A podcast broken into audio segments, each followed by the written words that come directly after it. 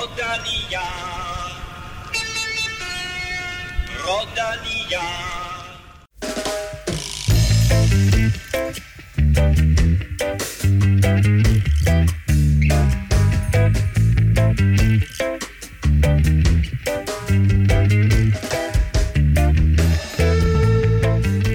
Fredag morgen, det er tidligt, vi har knap nok fået den første kop kaffe, men vi står op tidligt for at give dig en dukfrisk udgave af Velropa Podcast.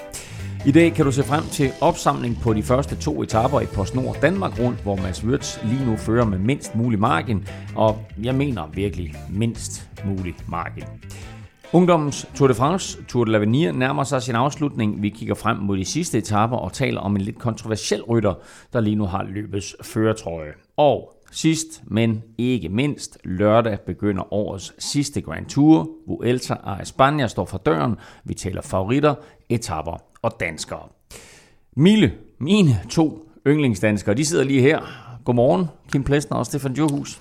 Godmorgen. Godmorgen. Kim øh, vinder fuldsang en etape i Vueltaen. Og har jeg ikke spillet på det før?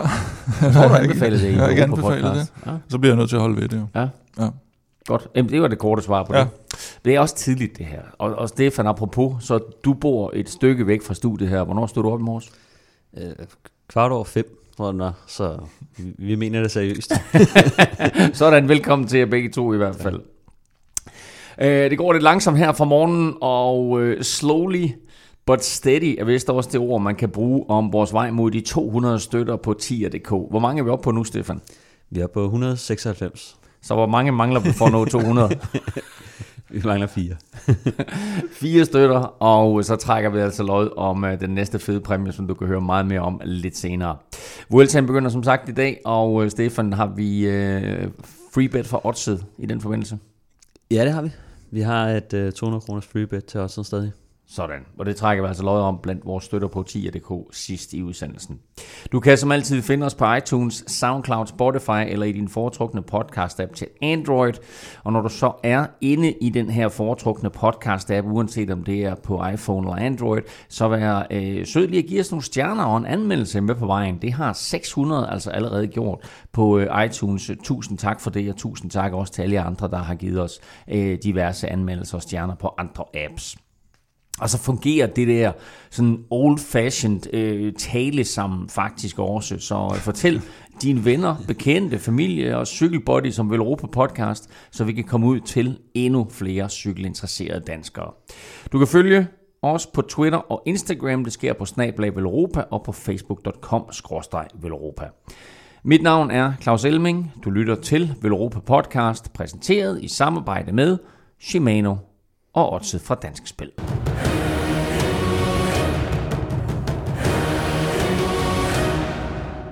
Lidt senere skal vi tale om et stort etabeløb, der foregår i Spanien, men vi åbner op med fem dage i Danmark, bedre kendt som PostNord Danmark Rundt. Første etape blev vundet af Thies Beno fra Lotto Sudal, mens anden etapes enkeltstart blev vundet af Martin Toft Madsen, der endelig kan krydse den af på sin bucket list. Mere væsentligt er det dog, at Mads Wirt Schmidt lige nøjagtigt klemte sig i løbets blå føretrøje. Og i dag, fredag, der ligger den store kongeetape foran os. Den begynder i Holstebro og ender i Vejle med afslutning på den berømte og berygtede Kidesvej. Stefan, vil den her etape og afslutning, ikke- mindst, øh, vil den øh, lave en udskilning, og hvad kommer det til at betyde for klassementet? Ja, jeg tror helt klart, det, det vil lave en udskilling. Øh, jeg synes, det, nogle af de sidste år, så er det, sådan, det er lidt svært at, få, at sige, sådan, hvor store tidsforskelle der kommer, men der kommer altid en, en udskilning øh, på den sidste gang op ad Kidesvej. Jeg tror også, så tæt som klassementet øh, er lige nu, så, så kunne løbet øh, sagtens skifte, skifte fører øh, efter den sidste gang op ad Kidesvej. Kim, hvad, hvad betyder det for Post Danmark rundt, at man har byttet rundt på placeringen af enkeltstarten, så den ikke ligger som næst sidste etape, men ligger som anden etape og tidligt i løbet? Det synes jeg gør, at det, det åbner det lidt mere op, sådan at den har ligesom ligget som sådan en skygge over alt det andet, at man vidste sådan lidt, okay, selvom jeg tager de her antal sekunder, så, så får jeg nok smæk på, på enkeltstarten alligevel af, af, af ham eller ham. Øh, Det har ryttere som øh, Lars Bak, Mathieu Brechel og sådan noget lidt meget under i de, Mm. de gange, de har, de har været godt kørende. Og den her gang, der, nu har vi ligesom en, en slags øh, midlertidig faseliste her, hvor vi ved, så man ved lige præcis, altså Kamp ved lige præcis, han har, er det 28, 28 sekunder, ikke? Ja. Øh, så, så, så kan han sidde og, sådan og vurdere, er det muligt, er det ikke muligt, i, i sit eget terræn, frem for at han skulle sidde og regne på et eller andet i de andres terræn.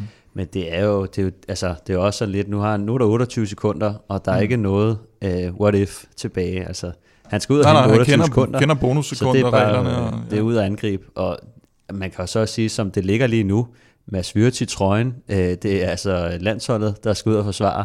Mm. Uh, mm. Så uh, det, det er noget, som uh, de andre hold, de slikker som munden lige nu, og de er klar til at angribe. Uh, ja, fordi plus, at, ruten, ikke? at den jo. er jo lidt anderledes, at, at tidligere havde det jo så været fint nok med Vejle, men nu kommer der altså også lige den der Asnes øh, indelukke, mm. hvor de også ved, at der kan gøres en forskel, så de har to chancer. To meget spændende etape, vi ser frem til, men hvis vi lige hopper en enkelt dag tilbage i historikken her, så lykkedes det endelig Martin Toft Madsen at vinde sin øh, etappesejr øh, i PostNord Danmark rundt, og vel at mærke en enkelt start. Øh, det er han gået efter længe. Det her, mm. det var en lettelse for ham. Ja, det var det helt klart. Øh, Martin har jo støvsuget alle, alle enkeltstarter i, i Danmark i, i mange år nu. Øh, om, altså, han er jo blevet nummer, nummer tre øh, sidste år, nummer to og nummer tre. Øh, så altså, den har været længe undervejs, øh, og jeg, jeg under ham det rigtig meget. Jeg kan huske, jeg kørte Danmark rundt med, med Martin i 2016, tror jeg det var, hvor at, øh, han taber øh, til Mads Wirtz med 9 sekunder, men øh, han taber faktisk kæden med et par kilometer tilbage, og øh, der må han så selv ned og, og fiske den op, øh, mens, han, øh, mens han kører. øh, så jeg kan huske, efter den etape var han sådan rimelig ærgerlig over, at, at kæden lige hoppede af, fordi at, øh, det kunne meget have vel været 9 sekunder øh, lige der. Ikke? Mm. Så, øh, så den har været længe undervejs, og, og han fortjener det rigtig meget. Uh, Mads Wirtz uh, blev uh, lignagtigt tre i går. Jeg tror, det var uh, få 100 dele, der, der skilte ham fra en anden ja. plads. Men det var faktisk første gang, Mads Wirtz ikke vandt en enkelt start, når han stillede op i PostNord Danmark rundt. Øh, Martin Torst Madsen, apropos det her med at smide kæden, han kunne reelt, vel reelt, hvis det ikke havde været for et styrt på første etape, have været føretrøjen. Ja, det, det var meget simpelt. Øh, han, han tabte jo, han, ja, han styrtede med 20 km igen, og øh, han kom faktisk op til feltet igen, men, øh, men så måtte han slippe øh, øh, til sidst alligevel, og historisk set, Toft, han har lidt svært ved de der accelerationer og, og eksplosive bakker, øh, og han kunne... kan bare ligge konstant med 60 i timen. ja, lige præcis. øhm, så jeg tror, at det, det er altid en udfordring, det der med at komme tilbage til feltet så tæt på, på målstregen, og, og, og, og med så mange ryg, der var i finalen der, så har det, tror jeg lige desværre, det har kostet for meget for ham. Øh, og det er super ærgerligt, at, at han ikke lige får, øh, får en trøje med os her. Øh, for jeg, jeg tror, han får lidt svært ved at, ved at generobre den med, med det terræn, der er tilbage nu. Øh, vores gode ven, øh, Niklas Larsen, han nyder lidt godt af Europa-effekten. Øh, han ligger samlet nummer to nu, efter Mads Wirtz, og han, han ser godt ud. Ja, han, har, han er vel næsten den, der har overrasket mest øh, positivt af, af alle sammen, fordi Mads Wirtz havde vi sådan lidt, og han havde også selv regnet med, at det var en, det var en mulighed at ligge i, i trøjen her efter, efter anden etape. Vi havde jo nok mere set hen af noget rival, øh, hvis, hvis vi skulle se på udfordrende til det, og, øh, og det har så i stedet været Niklas, der har, der har smidt nogle kilo, og øh, som godt kan blive virkelig farlig her, fordi han har jo spurten, det vil sige, han kan jo reelt set tage sekunder på Frederiksberg Allé. Øh, og, det, og lad os lige, lad os lige rise op, hvad er det, der er bonussekunder der? Der er 10-6-4, mener jeg, mm. som der var på, øh, på første etape. Det var derfor, og, så, og, så er der jo nogle, og så er der jo nogle øh, bonussekunder undervejs på etappen, også 3-2-1 rundt omkring og så videre.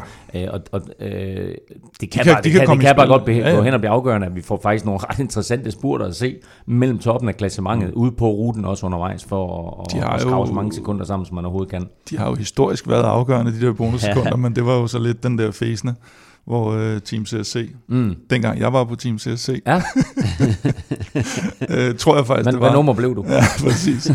øhm, hvor, hvor var det Jens Fugt, der førte, men Kurt Asle skulle vinde, ikke? og så, øh, ja. så kørte de tog frem mod sådan en indlagt spurt, og lod Kurt vinde den, og, og, og fik blokeret alle de andre af vejen, og så... Øh, og så fik han den sejr, han skulle have. Og der var en masse på styr med folk, der havde spillet hos øh, danske spil og sådan noget. Og det var ikke, det var ikke øh, i orden, at man ligesom aftalte det på den der måde. Så, så, så bonussekunder undervejs kan, kan, og, og den her gang, der bliver det ikke aftalt i hvert fald, hvis de, hvis de skal ud og, og køre om den. Så, men, men mest af alt er det jo de der 10 sekunder eller 6 sekunder, man kan vinde på stregen, hvor, hvor Niklas jo øh, tog til DM og, og en rigtig, rigtig god sprinter, ikke? og har jo Rotenberg og Folsak og alle de der typer øh, til at, at køre noget lead-out.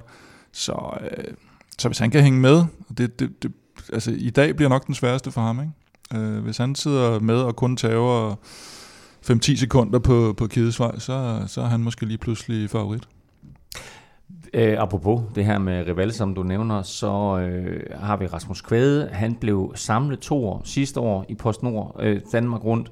Og øh, øh, hvad hedder det? Øh, nu, nu begyndte jeg at snakke om rival her, men han, han viste altså i går, at han stadigvæk kan køre enkeltstart på de allerbedste. Han blev to på enkeltstarten i, i Grænsted og ligger nu tre og samlet kun tre sekunder øh, fra øh, Mads Wirtz. Skal Real til at overveje at køre for ham, eller hvordan ser I det?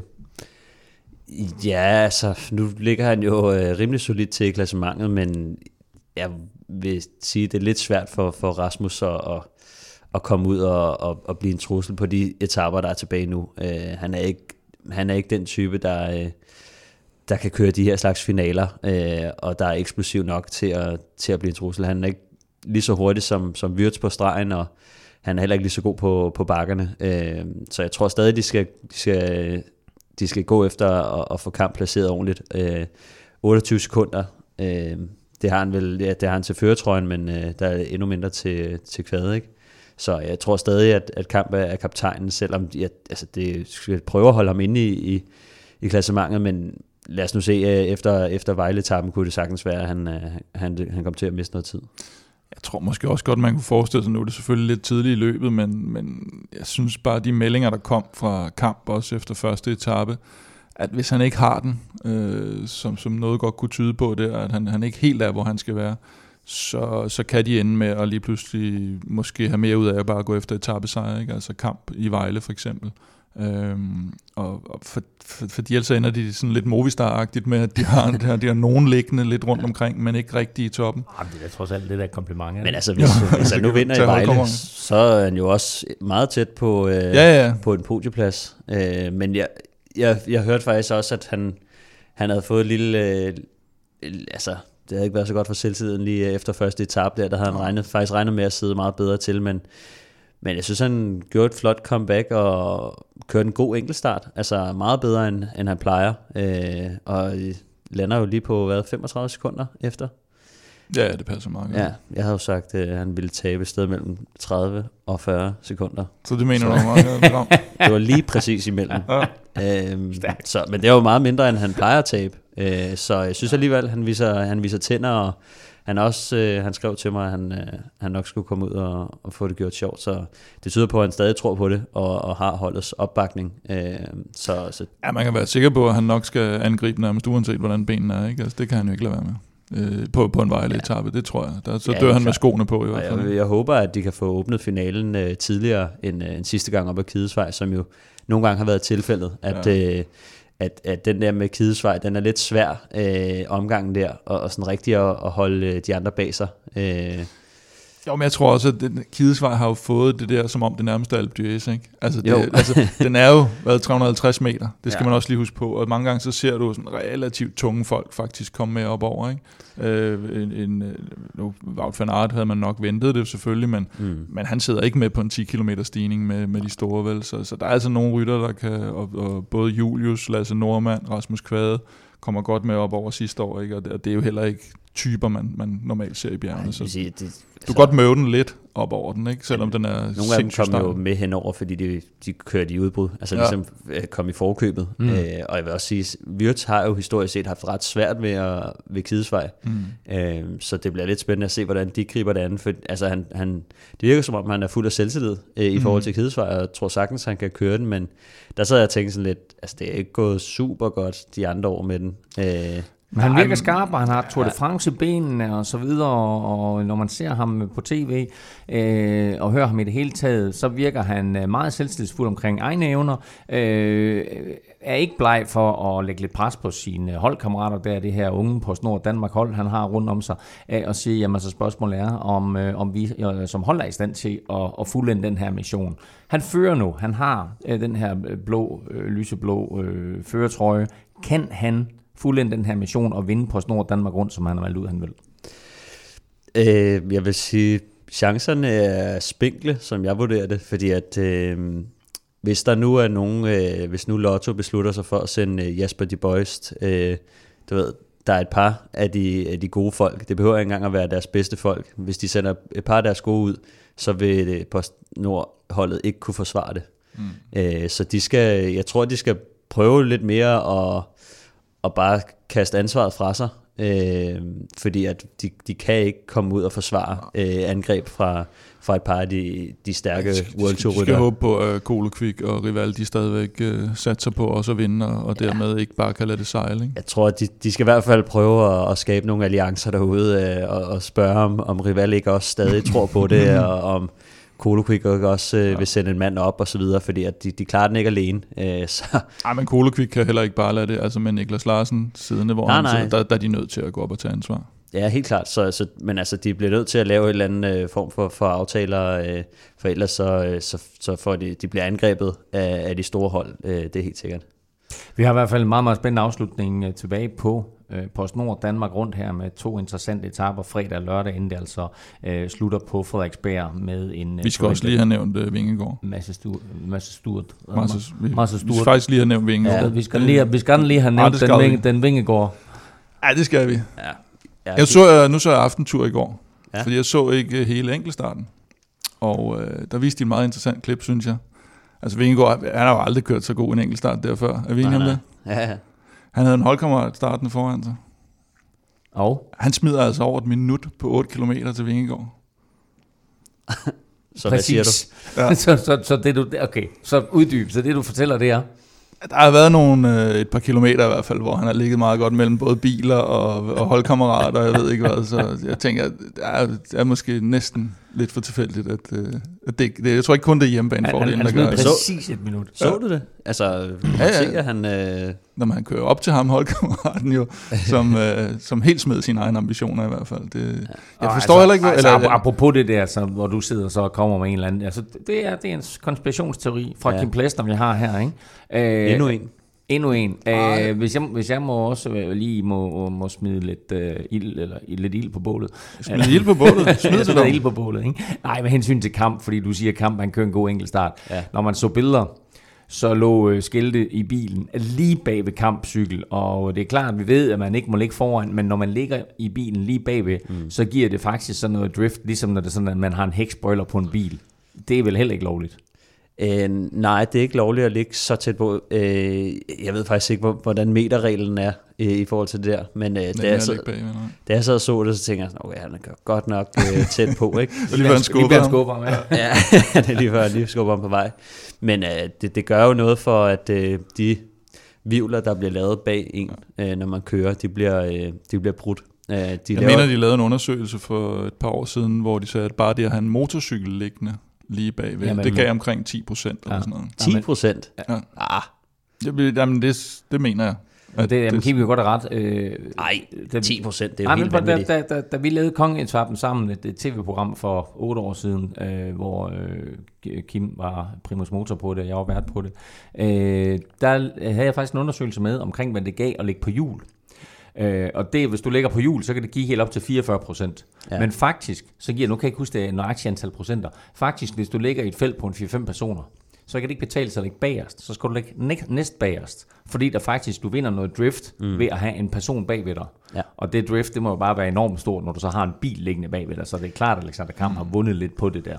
Ja, altså jeg, så vidt øh, jeg har hørt, altså en gammel ting, det var, at øh, man fik 1% cirka ved at have en person Nå, men det er noget med det tal så, ikke?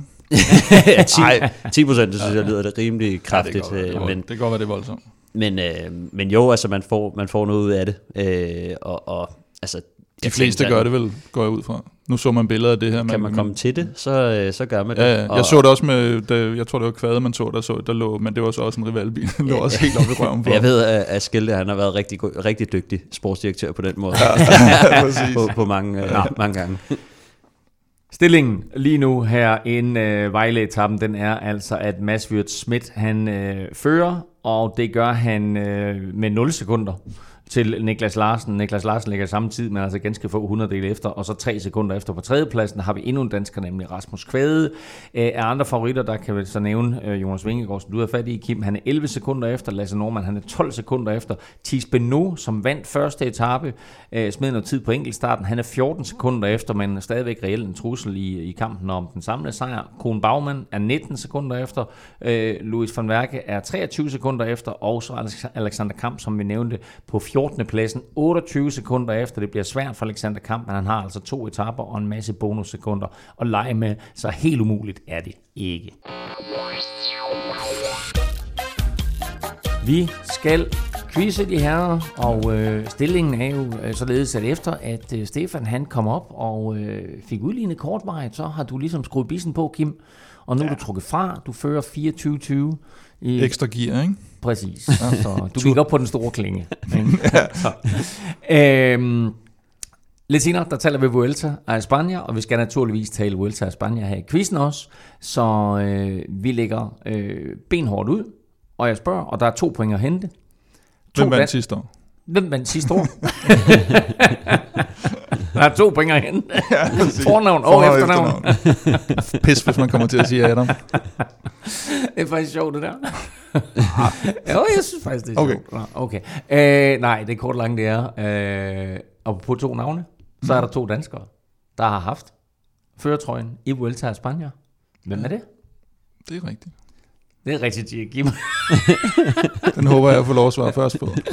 Du får i hvert fald øh, mulighed for at svare på øh, det første navn, øh, hvis det er sådan, det er det, du ønsker. Okay. I får et skud hver, og så bliver vi ved indtil I, I rammer de to, som, øh, som har øh, ført Vueltaen sammenlagt på et eller andet tidspunkt. Mm-hmm. Det er dagens quiz, og øh, mit ønske for jer to, og for alle jer, der lytter med, det er ganske simpelt. Lad nu være med at google. Ungdommens Tour de France er altid spændende, og det er ofte her, vi ser de næste store talenter. Tour de l'Avenir er for alvor rykket ind i bjergene, og det er desværre uden nogen danskere med fremme. Til gengæld, Kim, så er der en lidt kontroversiel rytter, der har overtaget førertrøjen i den samlede stilling. Ja, kontroversiel, og jeg synes, at han er sjov. Øh, han hedder øh, Mauri van Zevenand. Og øh, efternavnet er der måske nogen, der kan huske, fordi øh, farmand, Vim? farmand, farmand Vim, Ja, det har du også Øh, gjort, ikke Stefan? Wim van Sebenen. han, Ah. øh, han havde jo øh, Lanterne Rouge. Han øh, øh, gjorde det til lidt af en øh, opgave at blive sidst i øh, en, en, en, en lidt af en præstation at blive sidst i Tour de France. Og han tog den altså tre år i træk.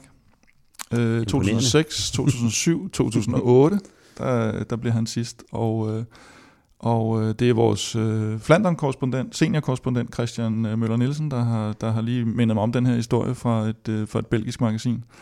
Og på et tidspunkt, der, øh, der siger øh, holdejeren øh, for Lotto der, jeg tror det er i 2008, så siger han, at vi har øh, Cattle Evans til førstepladsen, og så har vi Vim til sidstepladsen. altså inden de går ind i Tour de France. Det er ligesom deres to målsætninger. Og, øh, og, og Vim han får så sønnen her, Mauri. Jeg ved ikke, om han er opkaldt efter Melchior Mauri, øh, tidligere tempospecialist. Men, øh, men Vim han var sådan lidt... Øh, at han vidste ikke rigtigt, om han skulle ind i cykelsporten, sønnen der, og det skulle han ligesom selv øh, bestemme, og han skulle ville det nok, så han blev, øh, han blev sat til at, at plukke kartofler for at, at, at tjene penge til sin første cykel, så han skulle ikke øh, komme alt for nemt til det. Og jeg ved ikke, om det er fordi, at han var blevet lidt skræmt, fordi han blev anklaget i, var det 2012, tror jeg det var, Vim, hvor han var blevet øh, VIP-chauffør for, for Lotto-holdet i, øh, i Tour de France. Der, øh, der blev lige pludselig sendt en pakke til ham over fra Australien med nogle forbudte stoffer, som de fangede nede i Bruxelles Lufthavn. Og øh, heldigvis for hvem, så viste det sig, at, at dem, han havde købt de der forbudte stoffer, altså det, der stod på pakken, der var slet ikke det i pakken. Så de havde fusket de der australier og sendt ham noget andet, som ikke var øh, forbudte midler. Øh, så derfor så bliver han frikendt fordi, er fordi, fordi indholdet så, ja, ja, det er helt vildt. Og, og, og anklagerne, de mente jo så, at det var fordi, han skulle have distribueret det til, til lottorytterne nede i, i Tour de France i, i forhold til sin rolle der. Men, øh, Det, er altså, Han det er bliver- officielt, det mener anklagerne. Det er ikke en, endnu en plæstende nej, nej, nej, nej, det var det, de gik efter ligesom at bevise. Men Nå, de kunne så ikke, wow. de, de, de måtte så frafalde sagen, fordi at der, der, der var ikke stofferne i det. Så de kunne åbenbart ikke dømme ham på intentioner, som de spekulerede i. Hold da op. Nå, Så det er, det er Mauris far, og nu fører Mauri øh, ungdoms Tour de France. Nå, det, og det var, når det var Vim, som, øh, som fik det her, det var ikke... Øh, Nej, nej, nej, nej, nej. Mauri har ikke, ham har vi ikke noget på, okay. udover at han fører. Nå, nå, nå, nå, nå. Jamen, øh, det var derfor, jeg kaldte ham kontroversiel. Nej, han er slet ikke Nå, det er ikke- hans far, der er kontroversiel. Ja, ja. Og som man har set med, med mange andre, så Det er, det er svært at det finde en god historie i cykelsporten, hvor Kim ikke lige kommer ind og graver en eller anden øh, historie fra. Jeg kunne, ikke huske, jeg kunne simpelthen ikke huske, hvad det var med, med Vim der, så jeg sad og researchede den i går og tænkte, var der ikke et eller andet med ham også? Altså ud over den øh, med, at han var blevet sidst. Der var sådan en eller anden virkelig mærkelig historie lige Nå, pludselig for okay. efterkarrieren. Ja. Nå. Så det var den. Øhm, Så, så Vims søn fører lige nu. Vims søn fører. Tour, Tour de l'Avenir. Øh, vi havde øh, danskere, øh, vi havde faktisk en dansker, der fører trøjen, fordi øh, Mathias Norsgaard, han førte løbet efter de to første etaper. Han vandt jo første etape i, i ensom majestæt og, og sad med førertrøjen der øh, i et par etaper. Den har han siden smidt. Øh, og Jeg tror nu kun, det var den første. Så han ikke Nå nej, han besvarede på den. Ja, præcis. Selvfølgelig. Øhm, og siden der er det gået lidt ned ad bakke for danskerne. Men Mathias Norsgaard har faktisk fået en trøje tilbage. Ja, han fik jo pointtrøjen tilbage øh, under nogle lidt uheldige omstændigheder, øh, da Thomas Pitcock, som ellers havde overtaget den, øh, styrtede øh, på 6. etape og ikke stillede til start på 7. etape. Så på den måde så øh, har Norsgaard lige fået øh, pointtrøjen tilbage øh, med, ja, jeg tror han fik med et point faktisk. Men, øh, men nu må vi se, det, nu er løbet sådan for alvor gået ind i bjergene, øh, og øh, ja, det bliver lidt svært øh, for danskerne, som det ser ud lige nu. Øh, Morten Hulgaard har kørt nogle meget gode etapper. Øh, blev nummer to på, øh, var det på øh, fjerde etape, tror jeg det var. Ja, 4 eller 5. Øh, Femte etape. Øh, og, øh, og blev nier på 6. etape, men, men nu er vi for alvor gået ind i bjergene, og, og jeg, jeg tror umiddelbart, at den eneste, vi har, som kan lave noget der, det er, det er stadig Jakob Hinskavl, øh, som er den eneste sådan rigtige bjergrytter, øh, men, men han har altså også tabt en del tid, og, og har ikke lige siddet med på den, øh, på den første rigtige bjergetap. Øh, Så han smed et kvarter på den der vanvittige 6. etape med, med regnvejr, hvor Pitcock udgår, og ja, halvdel, Ja. halvdelen af det kolumbianske hold, tror jeg også udgik, ikke? Og så Kron styrtede jo på, var det, det var på første etape, der var jo også et styrt til sidst, hvor, Ja. ja. hvor Norsgaard får, får kørt væk. Ja, Så- han, øh, han kørte jo også øh, holdtidskørselen, øh, men, men måtte så udgå bagefter. Mm. øh, efter han fik feber og, og betændelse i nogle af de sår, han havde. Øh, så meget ærgerligt, at, at han udgik, fordi at, øh, han, han kunne godt have været en, en mand, øh, der kunne have gået efter en etappesejr eventuelt. Øh, men, men det er, de, danskerne skal ud på nogle togter og, og prøve at øh, forsøge sig lidt udefra, øh, fordi at, øh, det ser altså ud til, at, øh, at der, der er mange andre rytter, som, øh, som er lidt stærkere i bjergene. Mm. Løbet det føres øh, altså lige nu af Pims søn, Mauri van Sevenand. Han er 45 sekunder foran italieneren Giovanni Aleotti, og så med norske Tobias Foss yderligere 5 sekunder efter på tredjepladsen.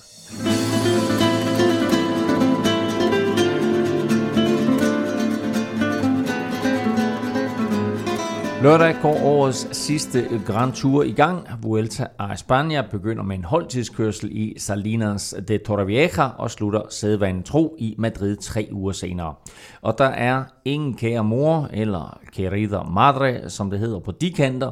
Den første uge byder på masser af stigninger og tre bjergetapper, alle sammen med mål på toppen. Vi er jo nærmest de her garanteret fyrværkeri fra første fløjt. Ja, det er nogle, det er nogle ordentlige krabater, der kommer der. Er det 5., 6., 7. etape, de ligger på? Ja. Øh, men til gengæld så for, for Vueltaen, så, så er det som om, den, det, det, øh, det ikke tager så meget fart derfra, som det plejer at gøre, måske. Men, øh, men, men det er også en ordentlig portion, for normalt har vi vel sådan en, måske bjergeafslutning, eller i hvert fald på toppen afslutning i den første uge. Ikke? Øh, det her, det, det, det er nogle krasbørstige nogen, der kommer. der bliver klassementer jo altså. Altså Vi taler, vi, taler, vi taler lidt mere om holdtidskørselen senere på første etape. Øh, anden og tredje etape er kuperede etaper, så kommer fjerde etape, den er forholdsvis flad. Og så kommer de her 5., 6., 7. med bjergeafslutning, så det er mm. en, en brutal start på, på den her Vuelta. Ja, men det er, hvor du, altså, det er jo den der typiske, hvor man siger, at det er ikke, det er ikke sikkert, at vi har fundet vinderne efter 5. 6. 7, men vi har i hvert fald fået sorteret dem fra, der ikke kommer til at vinde. Mm. Du, kan, du kan tabe den på de der tre. Og, og så, kan man, så kan man jo lidt uh, håbe på, at vi får noget af det, vi har set i, i Vueltaen og, og Giroen de sidste par år, at uh, vi har nogle ryttere, som, som ligger til at vinde, der vi tænker, om de vinder helt sikkert, ja. og, så, og så går de helt uh, ned i, i den sidste uge. Uh, Jakob Fuglsang er med som luksushjælperytter for Superman Lopez, uh, og han er naturligvis det største danske navn, der er med. Hvad skal vi forvente af ham? Øhm, ja, men jeg tror, vi skal forvente, at øh, han nok skal, skal hjælpe Miguel Angel Lopez øh, lidt til at starte med. Og så tror jeg senere i løbet, at, at han muligvis får lov til at, til at gå efter en etappesejr. Vi ved i hvert fald, at, at det er planen, at han skal gå efter etappesejr. Men jeg forventer ikke, at han ligesom får lov at gå ud og, og gå efter det lige fra starten af. Øh, de, de vil gerne øh, holde Superman Lopez ind i kampen, og jeg tror, at han skal have støtten øh, lige til at starte med. I hvert fald de første, ja, kan man sige, den første uge, som er på ni dage. Øh, den, øh, der er jo fire bjergetapper. Ja, det er i Spanien, ikke også? Jo. Ja. ni dage på nu. Ja, det er rigtigt nok, han er det kommer jo meget an på, hvordan Lopez kører, fordi hvis han, han ligger helt op i toppen, så, så kan han jo ikke tillade sig bare at gå efter. Så skal det være et taktisk udspil, han lige pludselig får en etappesejr. Hmm. Så, kan han, så får han jo selvfølgelig ikke bare lov at, at, at stikke afsted og, og, og, og køre sin, sin, sin egen chance 100%. Men er, er, er vi ikke ude i eventuelt noget Movistar Giro-taktik her, med at øh, det hele er lagt an på, at det er Lopez, der kører for, køres for, og så har Fuglsang faktisk en, en mulighed for at lave en carapaz? Ah, den har jeg altså svært ved. Altså det, det tror jeg mere, det er mere på grund af, af, af Fuglsangs øh, skadeshistorik øh, omkring turen og alt det der, og den måde, han er kommet ind i Vueltaen på. At, at jeg ser den mere som, som formopbygning mod et øh, uh, VM. Det, det burde det være, men altså, vi har jo set de senere år nogen, at, uh, at pauser og skader er det nye sort. Mm. Uh, folk, der kommer tilbage mm. og så bare flyvende efter, de har holdt, uh, holdt længere pauser. Ikke? Så, så man skal selvfølgelig aldrig sige aldrig, men, men, men sådan, jeg synes Fuglsangs, uh, hvad skal man sige, den måde han som regel kører på, og den måde hans form udvikler sig på, virker sådan meget efter bogen, synes jeg. Og det vil være efter bogen, så han kører sig lidt i form i løbet af Vueltaen. Udover fuldsang, så er det sådan lidt småt med danskere på startlisten, øh, efter at vi i Tour de France satte rekord med ni ryttere til start, så har vi altså kun tre ud over fuglen, og det er Kasper Pedersen fra Sunweb, det er Niklas E. fra Trek Segafredo, og det er Jesper Hansen fra Cofidis. Hvad skal vi forvente af dem, Stefan? Øh, jamen, øh, jeg tror, øh, altså Kasper P., han skal jo, han skal jo nok... Øh, Måske får han lov til at gå efter en etappesejr, men jeg tror egentlig, at han skal prøve at bakke øh, de, de to øh, semisprinter op, øh, Niklas Sand og, og Max Walscheid, øh, til de få sprinteretapper, der er mm. i løbet. Øh, og så tror jeg, at, øh, at, at Jesper Hansen skal nok hjælpe Jesus Herrera, øh, og øh, Niklas C. skal nok hjælpe Brambilla, men jeg tror på ingen måder, at, øh, at det er sådan, at de er fuldstændig låst til at, at hjælpe roller. Øhm. Hansen måske mere, øh, tænker jeg, i forhold til et der har trods alt vist et, et lidt mere stabilt niveau, når han er i form i hvert fald, hvor Brambilla, det er sådan, det er sådan ja. lidt, hvordan vinden blæser, ikke? Og, og, og mange gange har vi jo set, hvor de har kørt sammen, hvor man har tænkt, hvorfor giver de ikke bare Niklas chancen, fordi han er nok mm. i virkeligheden bedre i bjergen, ikke? Og jeg tror også, at Niklas har præsteret bedre end, end Brambilla. Jeg tror, at Brambilla han får kaptajnrolle mere af navn ja. end øh, resultater lige nu. Øh, så man kunne, man kunne meget vel se, at hvis øh, Brambilla ikke øh, sidder i top 10 øh, efter de første par mm. bjergetapper, så tror jeg, at det, det åbner lidt op, og så kunne man sagtens se øh, Niklas mm. få lov til at gå øh, efter et udbrud øh, nogle af de, de, de ja, nogle af bjergetapperne. Ja, så både tror og håber jeg lidt på, at Kasper P. faktisk får lov at, at købe. Jeg synes, Sunweb har lidt haft den taktik, at øh, med mindre Kælderman lige pludselig bryder fuldstændig igennem, og ikke vælter, og ikke bliver skadet, som han plejer, at så, øh, så, så har han vist rigtig, rigtig god form på det mm. seneste, mm. ja. og øh, sad i udbrud med, med Mads P. i Bank Bank, og, øh, og jeg synes, at ja, det, det, han har vidst hele sæsonen, at han skulle køre Vuelta, så, øh, så har kunne, har kunne time det op til der, så jeg, jeg tror, øh, jeg tror på, at han godt kunne... Øh, og er Kelderman, er han kaptajn for Sunweb? Ja, og øh, har også, øh, altså, har jo potentialet, har jo potentiale til at køre en top 5 mm. men det, det er jo helt vanvittigt så meget, den mand er styret, der er blevet skadet. Ja. Ja. Men det er, det, det, det er virkelig, nu snakker vi meget om fuglesang og sådan noget, ikke? så kan vi dobbelt op med, med Keltermann. Ikke? Men, øh, men Kasper P. Øh, hurtigt på stregen, hvis han kommer hjem i en gruppe og, og, og er i god form og, og har øh, talent og potentiale, så ham glæder jeg mig faktisk lidt til at se. Ja, vi skal nok tænke ham lidt som en, øh, som en kort type, ikke? Øh, han kan faktisk godt, øh, han, er, han er rigtig hurtig ja. Ja. i spurterne, og, og, og kan også øh, klatre sådan rimeligt, øh, hvis det skulle være en, en halvkuperet etape. Så, øh, så det kunne også være spændende at, at få lov at se ham i, i et udbrud, fordi han har øh, evnerne til at gøre det færdigt. Nairo Quintana er en af, af tre Movistar-kaptajner, vel sagtens. Han er med. Miguel Angel Lopez er med. Steven Krausweig og Primoz Roglic er begge med for Jumbo Visma. Er det nu, at Roglic viser, at han rent faktisk kan holde til tre uger og vinde en Grand Tour? Ja, altså, han har jo fået noget pause nu, og, Ja. og han, øh, han var ikke så langt fra i Giroen, så jeg synes, at øh, Vueltaen er måske Nej, altså, hvis det- Given har været to uger, så har det været, så været rigtig godt for ham. Nej, men jeg, jeg synes egentlig, han lægger på, og ja, han, ja, det, det, det kunne han godt. Det kunne han godt. Jeg synes, det er et meget åbent felt, der er, så jeg, jeg synes, det er svært at, at sige sådan en, en virkelig topfavorit. Ja, der er det vel øh, Lopez, som, som Ulvart har, har været den, der har satset øh, på det, i hvert fald fra start. Altså sådan nogle som, som Quintana og Valverde og nogle af de andre har jo kørt mm. Øh, før. Øh, så øh, så der, der, er, der er de par rytter, som, som har satset på Vueltaen sådan øh, i, i lang tid. Ikke? Så mm. Øh, Roglic han burde være øh, topfavorit lige nu, med, med det hold, han stiller til start med, og at han ikke har kørt turen. Holdmæssigt, øh, okay, Astana er også sindssygt godt hold, men øh, ja, i Jumbo, for holdtidskørselen, der, der skal gå et eller andet galt, hvis ikke de vinder den i hvert fald. Det snakker vi om øh, lidt senere, sådan øh, lige her til at starte med, så øh, kan vi lige holde fokus på de rytter, der er med, og måske endda også en enkelt, som ikke er med, fordi øh, Carapaz, vinder af øh, Giro d'Italia, skulle faktisk have kørt Vuelta i Spanien, men han er ikke med. Nej. Det er altså, of- officielt er det jo en eller anden skade fra... du siger. Nå, nej, nej, men altså, det, det er jo Han, sådan... han styrede det et hollandsk. Ja, ja, præcis. Der er ikke, det er ikke sådan, men, øh, men, men han er jo også på vej væk, kan man sige, i forhold til, til Movistar, på vej til Ineos. Så, øh, så der, der kan også godt ligge noget i det, hvor motiveret er du. Han har vundet Giroen. Du ser mange gange dem, der har Giroen. Jeg kan også huske et år, Nibali vandt Giroen, og han også skulle køre Vuelta. Det er bare svært det der med, at du har lavet den der toppræstation, og specielt hvis, øh, hvis det som her er, er, sådan helt øh, nærmest sensationel og, og enestående præstation der går noget fejring i det, der, du, der er noget øh, medier, og, der, og så et holdskift. Altså, der, der har været meget øh, fokus væk fra, at han eventuelt lige skulle pike til den her. Ikke? Så, øh, så jeg tror, pff, måske i virkeligheden havde vi nok heller ikke fået sådan den helt store Carapaz at se alligevel, men, øh, men det er så svært at vide, hvem Movistar, de så, øh, om det virkelig er Valverde, de, de, de satser på til den her, og hvad han kan i en alder af 60. Og nu sagde jeg, at øh, tre kaptajner, og vil jo sige på den måde, at Movistar, de har altså to kaptajner, de har både Nairo Quintana og øh, Valverde med, øh, og det er da ikke umuligt, at øh, Valverde han vil, vil øh, slutte af med en, en sejr på hjemmebane. øh, hvilke andre ryttere skal vi holde øje med i øh, årets Vuelta?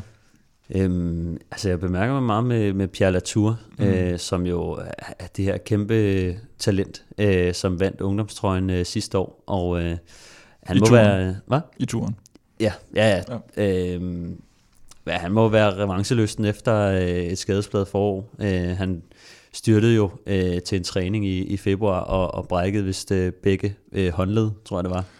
Ja, han blev testet i Schweiz rundt inden uh, turen. Han, skulle, han var jo egentlig på turholdet, Ja. og så bliver han testet i Schweiz rundt, og så finder man, at det, det går simpelthen ikke. Altså, ja, han, han, er, han er ikke, faktisk ikke løbet. nej, øh, han, er ikke, øh, han er ikke kommet godt nok tilbage om, og, om, om, og, og må simpelthen sige farvel til turen der, og det, det var også det, vi snakkede om, der mistede Bardeo en, en virkelig god holdkammerat og, og i holdtidskørsel, og hvad ved jeg.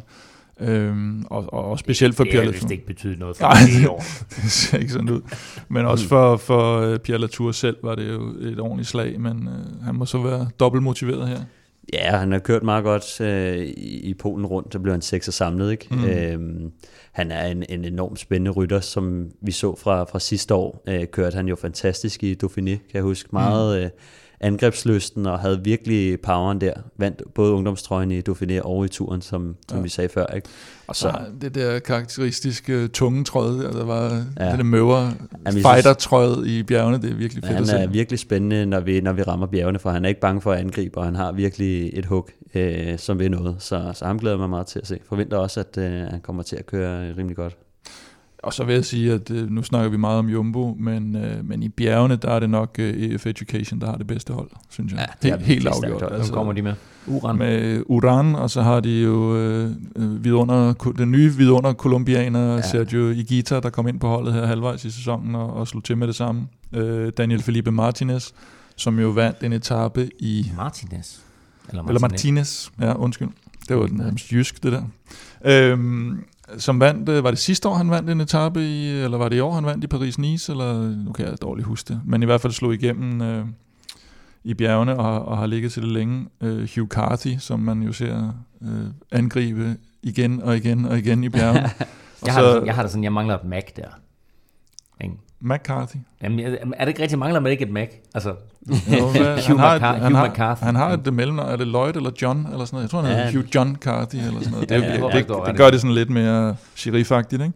Og så TJ uh, Van Garderen, som... Uh, ja, som jeg sgu ikke rigtig ved, hvad ja, skal Der er ikke nogen, der ved nogensinde med ham, jo. Nej, men det er, det, det er, altså, det er altså fem stykker, ikke, som, uh, som alle sammen kan køre i bjerge, og uh, det, det bliver spændende at se, om, om Uran er der, eller om han virkelig skal hen til kontraktår igen, før vi ser han så store gennembrud. Kører stadigvæk top 10 i turen, ikke? Så, ja. Øh, og, og vil gerne på podiet, fordi han, øh, han, har, vundet, han har ramt podiet i Ginoen, han har ramt podiet i turen, og han mangler lige Vueltaen, for at han kan skrive sig ind i den klub, der har, der har kørt på podiet. Og måske er EF en, en dark horse i forhold til holdkonkurrencen. Sad jeg faktisk og tænkte lidt over ja. med, med det hold, de har. Øh, selvom de måske ikke har så mange kaptajner, der går efter mm. det samlede, så så vil de komme rigtig godt igennem øh, bjergetapperne og, og kunne sætte mange af de her øh, rytter i, i, i udbrud. Ja. ja. så, så har vi jo øh, faktisk også øh, den øh, øh, evigt interessante Fabio Ardo med. Er det rigtigt? Jeg har, det er lige før, jeg har større forventninger til, øh, til Pogacar, som jo er med for, for UAE også, og, og man sådan tænker lidt ligesom i Gita hos... Øh, hos EF Education, hvor de siger, at han skal lige, vi, vi kører ham lige lidt stille og roligt frem, så har jeg en eller anden øh, lumsk fornemmelse af, at øh, Pogacar, han, øh, han er ligeglad. Han, øh, han kommer til at, at flyve derud af. Så det bliver lidt spændende at se, om han får lov af Ardu, øh, eller om han bliver holdt lidt tilbage, eller om han bliver, bliver nøset lidt, fordi han trods alt stadigvæk er, hvad er han, 20-21 år gammel, ikke?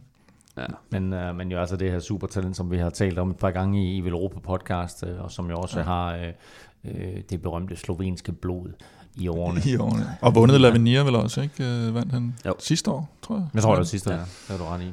Og James, James Knox, synes jeg faktisk, uh, hos Quickstep, skal vel sådan lige have en uh, honorable mention. Uh, han, han er spændende, jeg vent, man venter sådan lidt på hans gennembrud, synes jeg. Uh, han, er, mm. han er sådan stillet an til det i et stykke tid. Øh, Kelterman har vi snakket om hos Sunweb. Og så er der øh, Oscar Rodriguez fra Øskardi holdet. Okay. Han, øh, han vandt en bjergetap sidste år, og jeg kan huske det, fordi jeg, jeg tror, jeg spillede noget managerhold sidste år, og mm. så havde jeg ham på virkelig mange gange og tænkt, nu, nu, nu klarer han her, og, sådan noget, og så pillede jeg ham af. Og så vinder han bjergetap foran Micah, og fik sådan en lille gennembrud der. Og det er spændende, jeg, det er spændende at se, om han, han faktisk forsøger at køre noget, noget klassement i år. Øh, rigtig, rigtig god rytter. Ja, lidt, lidt usædvanligt for, for det her Euskadi-mandskab, så stiller de faktisk op ikke kun med spanier. De har øh, syv spanier, skråstrej baskere på, og så lige en enkelt franskmand. Sådan. Så øh, de plejer altså altid. Det kan være, at han bor nede i den, den det, det, baskiske det, del. Det, det kan være, at han er helt andet fra, fra den bas, bas, så har vi baskiske det, del. Det sidste er vel øh, netop Maika, skal vi vel også nævne. Og Maika Formulo hos, øh, hos Bore. Øh, jeg mener, de kører for Maika, og så skal vi også, hvad hedder han, Felix Großschartner. Øh, Østrigeren med, med tre S'er i træk i navnet. Det er jo altid noget. Øh, han, øh, han er også sådan en, der godt kunne måske vinde en etape i, i bjergene. Jamen, øh, det var øh, favoritterne, og øh, så kan vi jo begynde at snakke om det helt store favoritmandskab, øh, i hvert fald tidligere, fordi øh, det er tidligere Team Sky, nu Team Ineos, de stiller op uden Froome, af naturlige årsager, uden Geraint Thomas, og uden turvinder, cykelmyggen Egon. Hvem skal de køre for? Ja, Wout Poels er jo sat på som, som kaptajn. Øh, Jeg mener, Stefan, han, øh, han forlader, er der ikke noget med det? Vi har lidt øh, rygter om, at han er på vej væk. Pols uh, skulle angiveligt være på vej væk, hvor er det, han ryger hen? Øhm, jamen, jeg tror, at rygterne siger lidt noget, noget UAE eller, eller Bahrain. Sådan. Øhm, så, så det må vi, det må vi Men, men se. han har jo også været en, en, en tro hjælper og, og, og får formentlig chancen, selvom han skulle være på vej væk, øh, måske som sådan sidste mulighed for at, at, at vinde noget. Ja, i- jeg hørte noget med, at, at Ineos ikke var villige til at betale ham øh, særlig meget, faktisk. Okay. Øhm, så, altså, det er lidt mærkeligt, fordi han har jo været en, en lojal hjælper, Mm. mm. øhm, og, og har jo altså, været i stand til at vinde store etaper, og også vundet Liège-Bastogne Liège for dem. Hmm. Øh, så lidt mærkeligt, at, øh, at de ikke er villige til at, at betale Ja, det var første monument, uh, Sky vandt, mener jeg, Ja, da han vandt det. Og så har de øh, lige lavet en sidste, ligesom med Carapaz og øh, øh, Lil Kenny, som vi, Lil Ken, Lil Ken. Kenny, Kenny, Kenny Elisond fra, øh, fra Frankrig, den øh, nærmest mindste rytter i feltet. Mm. Han øh, røg til mange øh, fortrydelse ud og blev erstattet af David de la Cruz, som mange også undrede sig over ikke var med, øh, men som også var rygtet væk fra, fra Ineos, øh, og som har kørt top 10 i øh, to-tre år, tror jeg, i Vueltaen. Øh, og øh, er kommet tilbage, så han kan... Ja, det, det, det virker jo lidt som om, at når man kommer ind sådan i sidste øjeblik, at så er formen måske ikke øh, super god, eller også så har han netop vist noget form eller et eller andet. En god test, eller hvad fanden, hvorfor han er, kommet ind her til sidst. Men øh, er han i form, så er han sådan næsten sikker top 10 type. Ja. Men heller ikke mere. Og ellers er det ikke sådan, fordi det er, det er et vanvittigt stærkt hold, øh, de stiller op med. Der er selvfølgelig en hel del kendte navne imellem øh, på, på det her Team Ineos mandskab, men øh, som det umiddelbart ser ud, så er det ikke et mandskab, jeg forestiller mig, der kommer til at, at dominere Vueltaen. Den forsvarende mester, Simon Yates, han stiller ikke op. Hvad sker der lige for det? Jamen, øh, han har jo kørt både Giro og Tour, og det, det, jeg tænker nok, at det vil være for meget at køre alle tre. Øh, ja, det kan jeg da godt forstå, men altså, hvis man sammenlignede ham og så broren i, i turen, så var det da Simon, der var klart bedst kørende. Ja, han, han fik også lov at spare sine kræfter lidt mere, ikke? Han lå bagerst øh, på nær de der... Vandt han to etaper? Ja, han vandt Ja. to Ja, han vandt to etaper, og, ikke? og, altså spørgsmålet er, altså ja, han fik lov til at spare sig, men altså nu er turen selvfølgelig overstået og, Mm. og, og så videre, ikke? Men, men altså det virkede bare som om, at det var et forkert sats ja. Af Mitchelton. Det har, de har jo været meget ens tidligere, eller man har, været, man har haft sådan svært ved at sige, hvem, hvem bliver bedst af de to, specielt efter Adam blev, var det fire i turen i 16. Mm. Og tænkte man, oh, okay, nu, nu vinder han lidt til hans side, og Simon røg ud med, noget, med sådan noget mystisk dopingkarantæne i et halvt år. Øh, så vipper den tilbage selvfølgelig, da, da, da Simon han øh, kørte den gode Giro, hvor vi netop sidder og tænker, den vinder han helt sikkert. hvor han brugte alle kræfterne i den første uge. Og, øh, og efter der har, og Vuelta-sejren selvfølgelig, der, der virker det bare som om, at han er, han er lige tanden bedre end, end brormand. Ja, det er mærkeligt at, at have en, øh, en Grand Tour uden øh, en Yates-bror til stede, synes jeg. Ja, De burde jo kunne dække, kunne dække dem, ikke?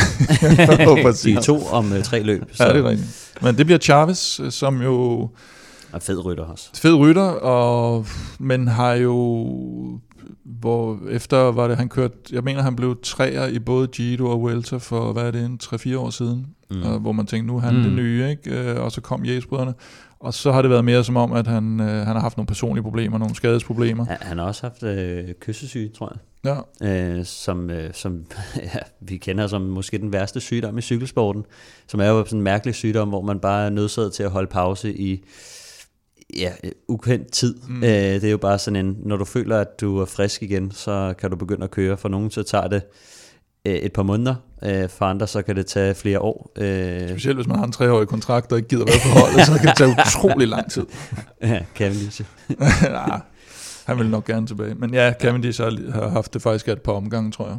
Ja, han har Øh, haft det to gange nu. Ja. Øh, meget, meget, besynderligt. Det er jo sådan en børnesygdom øh, normalt, mm. ikke? Øh, som, som de fleste får ud af systemet, øh, Men nu, de opdager øh, det. hvis man så kigger på Chavez, så tror man også nogle gange, at han er 12 år gammel, når man ser ham. Han er virkelig meget charmerende Ja, og drenget. Og, og, ja. Men han er øh, ja, fed rytter, sympatisk, øh, og øh, man under ham øh, alt det bedste. På det seneste har det været lidt som om, at han sådan lige popper op en gang imellem, og Mm, så kan tage en mm. etape måske, med, og ikke det der øh, tre ugers måske at holde sig helt i toppen. Det, det Men man bliver altid på en eller anden Han måde havde glad, når den der- når man Ja, ser ja. ham, ikke? Altså, Ja, han det havde den der, Han smiler hans humør. han havde den der imponerende etappesejr i Giro d'Italia, øh, som man virkelig kunne se, det betød meget for ja, ham. hvor han sad Øh, med Yates, hvor Yates sådan lidt forærede den til ham. Øh, Nå nej, jeg mener i, i Nå, år. ikke den? I år. Okay. Øh, der, der tog han en etappesejr Ja, det er fra, rigtigt, fra et ja. udbrud, Ja. øh, hvor man virkelig kunne se, Ja. at det betød meget for ham, fordi han havde haft en, en, en Ja. ja. rigtig dårlig periode. Ikke? Øh, så så det, det bliver spændende at se, om han, øh, om han ikke kan være en trussel i klassementer, fordi han har været det før, øh, og har så bare været, haft den her Ja. off-periode med, med diverse skader og sygdom. Vueltaen er konstrueret fuldstændig øh, ligesom de fleste af de her Grand Tours, nemlig med øh, ni dage til at starte med, som Stefan lige ridsede op, og så en hviledag, og så kommer der så øh, syv etapper, og så en øh, hviledag, og så slutter det af med fem etapper, som sådan øh, går sådan op og ned, kan man kalde det, fordi der er en flad etape, og så en bjergetappe, så en flad etape, en bjergetappe, og så slutter det altså af fladt ind mod Madrid. Vi taler lidt mere Vuelta senere i udsendelsen, hvor du også får Staltip Djurhusets længe ventede spiltip til første etape og Vuelta a España. Vi er nu oppe på 196 dejlige støtter på tier.dk. Du kan også støtte os på tier.dk. Beløbet er valgfrit, og du donerer hver gang vi udgiver en ny podcast. Og når du donerer, så deltager du automatisk i lodtrækningen om fede præmier. Du finder link både på velropa.dk og på tier.dk. Og Kim, vi har kredset længe omkring de her 200 støtter, som udløser vores kæmpe pakke. Ja, det undrer mig lidt, at vi ikke er, er røget op oven, fordi øh, hashtag Møllerpakken har jo fået, øh, har jo fået øh, lige på legende, legendestatus. Der er Ja. folk, der skriver ind øh, om, at øh, vi havde en gut her, der, der, hvis man har fulgt med på, på de sociale medier, så fik vi lige en ekstra trøje tilbage af de der Velropa-trøjer, vi har haft i løbet af år. Den blev så hurtigt solgt igen. Men ham, der returnerede den, sagde, Nå, men så øh, hopper jeg lige ind på tier.dk, og øh, så jeg skal, jeg skal have den der Møllerpark jo. altså, det, så nu må vi se, om, øh, jeg tror, Victor hedder han. Øh, så Møllerparken, Møllerparken er- består ja. af, af en masse ting fra Tour de France, som Præcis. Tina Møller øh, fra DR har hentet med. Øh, en, en prikket trøje med autografer fra Askren og Og det skal ikke være nogen hemmelighed. Vi, vi kæmper lidt. Vi kæmper lidt for at få Tina Møller med i podcasten. Vi vil gerne Jamen, have det, det, det får Ja. vi. det, det får vi. Ja, ja. Det, det er et løfte, du kommer med. Hashtag Velropa-effekten. Hvad hedder det? skal vi Øh, vælge ej, det, det, det, det skal nok komme. Og øh, så kan det være, at vi skal have en præmie med, med Møller Autograf. Åh ja. Øhm, og så var der noget Sagan-bog og noget kasket, og, og det kan jo godt være det der med, at vi har været sådan lidt hårdnakket og sagt, nu, nu kommer der ikke mere med i den der pulje. Jeg ved bare ikke lige, hvad vi skal... Nej, men altså, ej, det, det, er, det, Det er det, rigeligt. det, er, det, er, så, det er så fed Du en, glemte øh, også at det er så fed en pakke, så, så den, den, øh, den, den behøver vist ikke at blive peppet yderligere op. Hvad glemmer vi at nævne? Jo, du glemte at nævne uh, nips-ting. Det Der er at nips-tingene, ja. Er. Der er også lidt nips. Der er også nips-ting. Ja, der er lidt, nipsting fra, fra turen. Øh, den trækker vi lod om, når vi rammer 200, øh, men vi har også et freebet til os og Stefan, som vi skal have trukket lod om, og det skal vi faktisk lige nu. Hvem er den Yes. heldige vinder? Jamen, den heldige vinder, øh, det er Jannik Jannik. Jannik Jannik. Jannik Jannik. Nå, så er det okay. Øhm, så, øh, Det er ligesom Uran Uran. Ja, lige præcis. øhm, jamen, han, øh, han har lagt øh, tre lodder i puljen, og Fedt. har haft det i, længe nu faktisk, siden, siden maj måned. Okay. Så øh, Godt, jamen... Øh, det var på tide. Så øh, skal vi gætte på, at han bare hedder Jannik. Men øh, vi sender i hvert fald Jannik en mail øh, med det her freebet, så stort tillykke til dig, Jannik. Og øh, det gælder altså på den måde for alle vores lodtrækninger, at vi gør det på den måde, at for hver femmer, du donerer, der får du et lod i puljen, så jo større et beløb, jo større lodder, og dermed altså større chance for at vinde. Jannik havde øh, tre lod af puljen, 15 kroner per udsendelse, så tusind tak for det, Jannik. Og det udmyndte sig altså i øh, gevinst her. Så øh, tak til alle, der støtter. Tillykke til Jannik. Og husk, du kan altså stadigvæk lige nå at være med i kampen om den her fornemme Tina Møller Tour de France pakke, så tilmeld dig på tier.dk nu. I disse dage sker der sådan hele tiden noget på transfersiden. Nogle ryttere søger nye græsgange, mens andre bliver i trygge rammer. Og i sidstnævnte kategori, der hører Jakob Fuglsang til. Han bliver hos Astana. Er det overraskende? Nej, det er det vel egentlig ikke. Der var, som man kunne forstå, var det Astana og, og Movistar, der var inde i billedet. Og øh, der gik så tilpas lang tid, at øh, man næsten tænkte, at det måtte være blevet meldt ud, hvis han havde kommet med et skifte. Ikke? Øh, selvom der selvfølgelig stadigvæk er nogen, der, der, der venter, med at, eller venter på at få det offentliggjort. Men altså, han har været der i ja, vanvittigt mange sæsoner, og tjener gode penge, tror jeg, og... Øh, de har jo vist ham tillid, givet ham øh, Tour de France kaptajnrollen, selvom han i princippet jo ikke sådan har, har levet vanvittigt meget op til de forventninger, eller egne forventninger i, i turen, så han ved, han ved, hvad han har, han ved, hvad han får, og øh, det, ja, det virker egentlig meget Men hvor efterlader det her ham? Øh, Er han, er han nu, øh, undskyld udtrykket, degraderet til kun at være hjælperytter, eller får han nogle kaptajnroller Nej, fremadrettet? nej, altså du, det er helt vanvittigt at tale om øh, Det var årets... da vanvittigt, så mange gange du bruger ordet vanvittigt. Det jo vanvittigt. Det er jo helt vanvittigt at at tale om øh, årets vinder af Liège Bastogne Liège og nærmest forårets bedste rytter som, sammen med Alaphilippe, at, Jo, at han jo. skulle til at være hjælperytter. Oh, jo, men, Men altså, når- hvis jeg kigger lige over på den anden side af bordet så kigger Jo, jeg jo, lige jo, jo, jo. øjnene på Stefan Johus, der tidligere har proklameret, men, fuglsang er færdig. Men han har jo så mange konspirationsteorier, så det er helt forfærdeligt. der er ikke værre for dem, er- Altså, jeg tror, at grunden til, altså, han har jo været i snak med, med mange hold nu. Jeg har hørt blandt andet også noget med, med Katusha og Dimension ja. Data, og det er jo også øh, to hold, som er kendt for at have lidt penge og være gavmild med dem øh, til folk, som ikke præsterer. Ja, lige præcis. Men, øh, men altså, han er jo 34 nu, ikke? Så Jo. 35, når, når sæsonen øh, går i gang, sådan for alvor næste år. Øhm, og ja, på det her tidspunkt af hans karriere, der tror jeg, at han går efter at sk- skrave så meget sammen som muligt. Ja. Så skriver han højst sandsynligt sin sidste Lulu, kontrakt. Lulu, Lulu skal bruge mønt. Ja, men så skriver han højst sandsynligt sin sidste kontrakt jo, øh, fordi at øh, det er en toårig, og øh, han er 34 nu, ikke? Mm. Så øh, går ikke ud fra, at... Øh, altså, Ja, medmindre de andre har måske kun vil tilbyde ham en etårig. Han har måske gået og ventet, måske har han gået og ventet lidt på noget ris også, eller sådan noget med de der rygter. Jeg ved ikke, Det om var de det, jeg sammen. også øh, har tænkt meget over, hvordan Ja. ja. at, øh, der har været lidt hemmelighed omkring både Fuglsang, Kort. Øh, Ja. ja. Der var flere, der var sådan, der ikke rigtig ville røbe noget, øh, og, og, så, øh, og så nu ser det ud til, at, at i hvert fald, hvis der var noget om det, at så er det faldet til jorden. Ikke? Med, med Det var for han har også skrevet for 2021 med Astana, ikke? så der mm. Bliver ikke noget øh, ris har fuglsang med i turstarten i 2021 øh, Nej. projekt. Ja, så det, øh, tankegangen bag det er bare, at hvis han har skrevet sin sidste kontrakt, og den er god, og øh, han sådan set, altså, så skal han ikke ud og bevise mere. Nej, det skal han faktisk så skal han ikke køre, på, på, på den måde skal han ikke køre for pengene længere, eller sådan, hvis han ikke skal forhandle en kontrakt mere, så er der, så er der ingenting, der, der ændrer sig, hvis han kører dårligt. Så på den måde, så kan motivationen mangle lidt. Øh, man kan se, det, det giver rigtig god mening for Jakob at køre skide godt i år, fordi at øh, han skal skrive kontrakt. Ja. Øh, og øh, nu har han sådan set sikret øh, øh, de penge øh, for de næste to år. Ikke? Men han har vel også stadigvæk, øh, der er vel tre målsætninger, han lige mangler at krydse af på. Det er at gøre det rigtig, rigtig godt i Tour de France, og så er det OL og VM, tænker jeg. Hvis man skal... Ah, OL har han jo. Jo, jo, men han har ikke Nå, på vundet. måde, du mener, hvis man har tilbage i karrieren. Ja, Ja. og der kommer et OL til næste år, ikke? Og, og, og VM i, i Yorkshire ligger jo sådan okay til ham, hvis han rammer formen. Ved du, og, hvor OL øh, bliver? Tokyo. Jeg ved, hvor OL bliver. Ja, Det ville være, alligevel være trist, Det hvis ikke, øh, hvis ikke de havde planlagt det til nej, næste men, år. Øh, det var bare for, øh, altså... Og ruten, spørge. eller hvad? Ja, altså det er mere sådan... Øh, altså, Jamen er det ikke der, hvor de skal, skal de ikke ud Japan, til det øh, der bjerg? Skal de ud til, er det Fuji eller sådan noget? Eller hvad fanden er det? Ja, men Jeg så, jeg så en det. anden gennemgang af, af ruten der i, i Tokyo. Den er vist, øh, den er vist forholdsvis øh, vild. Ja, Jeg mener, det er noget bjerg, Ja, ikke? der er vist noget, noget rimelig Ja. ja. led bjerg dernede, så, så det kunne sagtens være øh, Ja. ja. noget for ham, selvom han jo er lidt oppe i... Selvom han er færdig. Så. selvom han er færdig.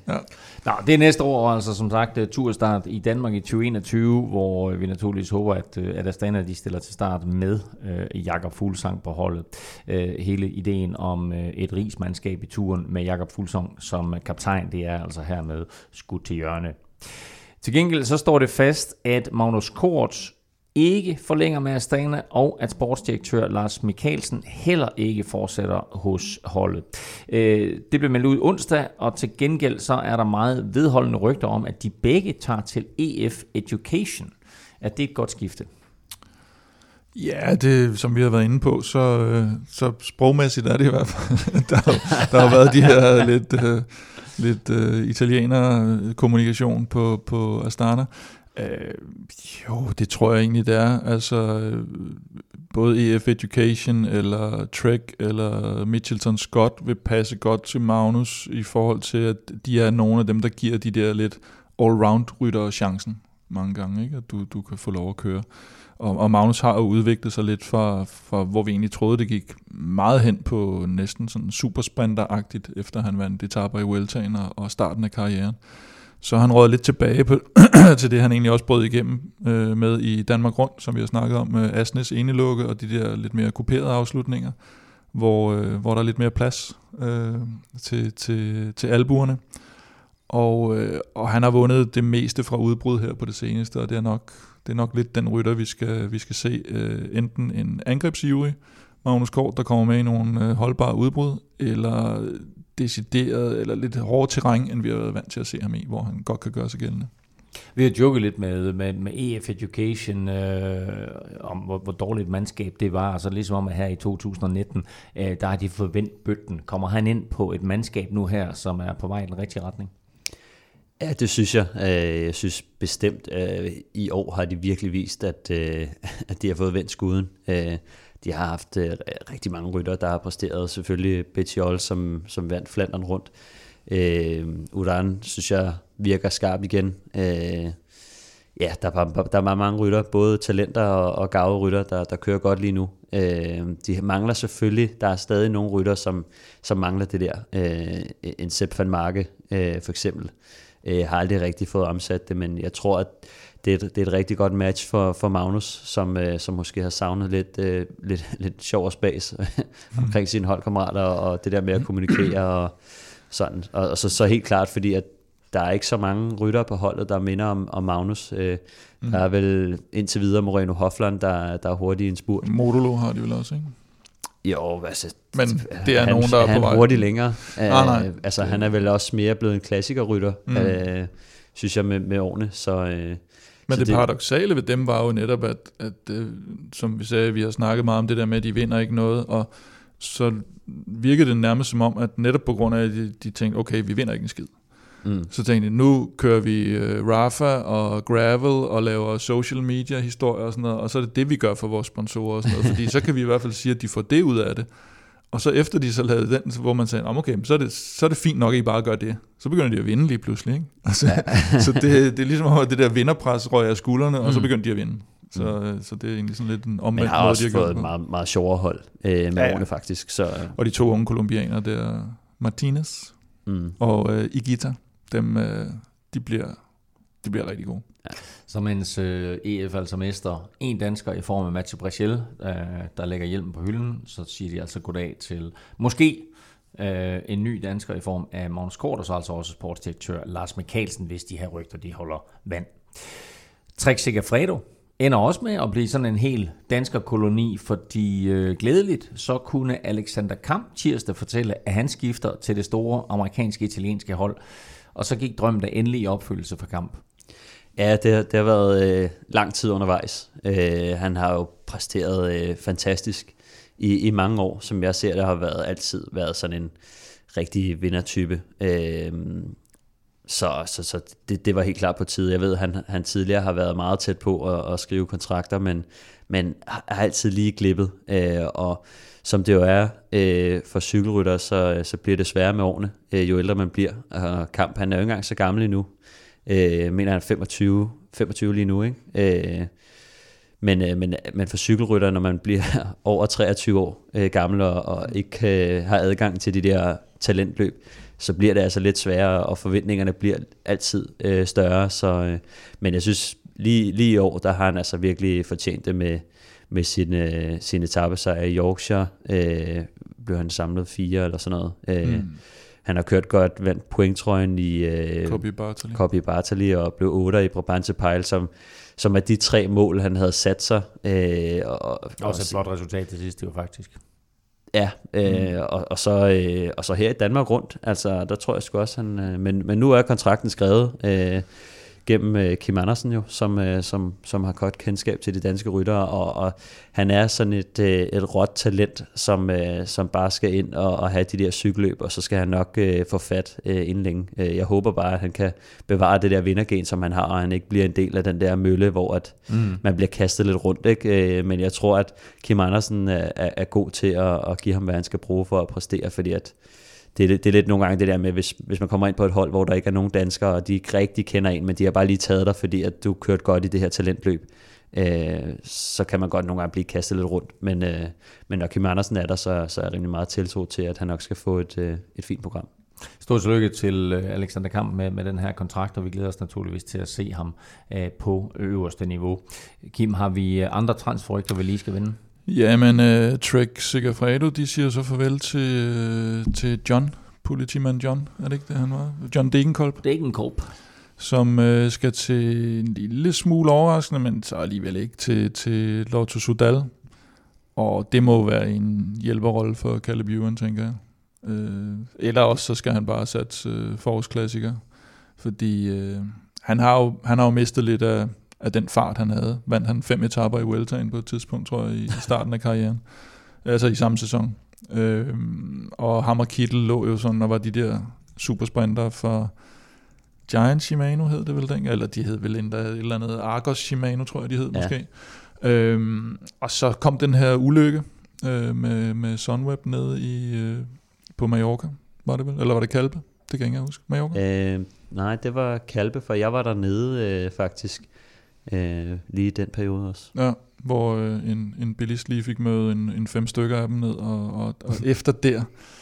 Ja, han er aldrig, altså, han, øh, hvad var det, han vandt et løb her ja, i foråret? Ja, han vandt jo en turetappe sidste år, ikke, hvor han var han vandt en turetappe, den der meget øh, fantastisk, ja. hvor man også kunne se, hvis vi synes, at det betød meget for Chavez at vinde en uh, etape ja. så, så lige før, vi kan gange op med en 3-4 stykker men, med, men, med Degenkolb der i turen. Spændende nu også, altså Lottos øh, ryg her med både Philip Gilbert og, og nu John Degenkolb, ja. øh, går de sådan lidt aggressivt ud efter, efter nogle stjerner også.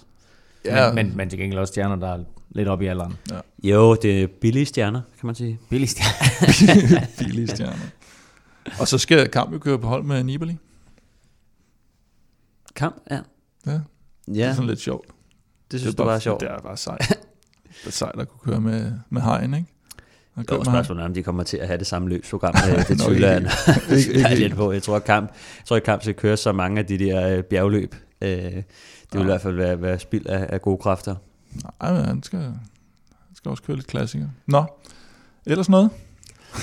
ja, det spørger jeg dig om. Er der, er der andre rygter eller, eller uh, transfernyheder, der var noget Kem, med? Var det Kemna, der, var, øh, der røg til Bora, ikke? Øh, jeg synes, det var en af de mest opsigtsvækkende rytter faktisk i, i Tour de France. Lennart, Lennart Kemner. Ja, som jo tidligere var ungdomsverdensmester eller sådan noget i enkeltstart. Ja, det mener jeg også, ja. Øh, og blev han også noget toer i noget U23 VM, tror jeg måske i virkeligheden, hvor han stillede op, selvom han var kommet til, til Sunweb. Og, og, og tænkte jo egentlig, at det skulle være sådan en temporyl, men nu var det jo nærmest i bjerge og udbrud, og jeg ved ikke hvad. I, så, så lidt sådan en... Øh, et talent, der kommer lidt, lidt eller Mads Wirtz, lidt eller Mohoric, uden at skulle sammenligne de tre. Så det der med, at du, du bryder igennem, og så går du lidt ned i en bølgedal, og så kommer du op igen og viser, der var faktisk noget om det der talent, jeg mm. havde dengang. Øh, og alle tre ungdomsverdensmestre i enkeltstart. Nå, apropos uh, talent, så øh, har vi allerede øh, et, øh, et, et kæmpe talent, øh, som hedder Egon, rigtig. som har vundet Tour de ja, France, og så kommer der et nyt talent nu, ja. som også har sådan et dejligt gammelt dansk navn, nemlig Ejner. Her kommer Ejner, ja. Her kommer Ejner. Må han, Må han sætter sig ned. Men øh, det håber vi ikke, han gør. Men han sætter sig i hvert fald ned hos Movistar. Og, øh, han hedder Rubio til efternavn. Ejner Rubio. Vi, ja, vi, synes, vi, vi har jo snakket lidt om de her øh, lidt øh, gammeldanske navne, der er over i Sydamerika, åbenbart florerer over i Sydamerika. Jeg ved ikke, hvor de kommer fra, men vi har jo Rik, Richard, der vandt øh, øh, Giroen, ja. og vi har Ejner, der nu kommer til Movistar, Egon, der vandt turen, og så Harald, som, eller Harald, Harald hedder han som vandt øh, den første bjergetab i, i Lavenir, ikke? Så, øh, så det er sådan en, en god samling af, af klassiske danske herrenavne. og to andre klassiske danske herrenavne, de får lov til lige om lidt at give dig øh, et par spiltips til Vueltaen, uh, yes. nemlig herrenavnene Kim og Stefan.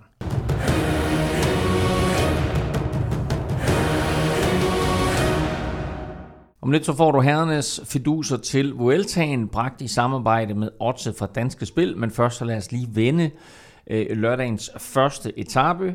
Vuelta a España åbner altså med den her 13,4 km lange, eller korte, om man vil, holdtidskørsel. Startrampen den er placeret i øh, smukke øh, naturomgivelser øh, i det, der kaldes Las Salinas de Torrevieja, og målet det er i den nærliggende by Torrevieja. Øh, ruten den er sådan forholdsvis flad, der er nogle små bump undervejs, og så er det et falsk flat øh, sådan hister her. Men altså, hvis jeg siger Jumbo Visma som vinder, hvad siger I så?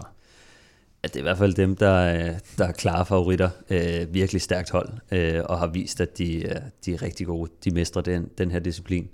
Øh, derudover skal vi faktisk se lidt langt efter, øh, efter øh, de udfordrende. Hvis man lige ser på, øh, på hvordan øh, Otto har, har sat det, så øh, giver det 1,28 på Jumbo Visma.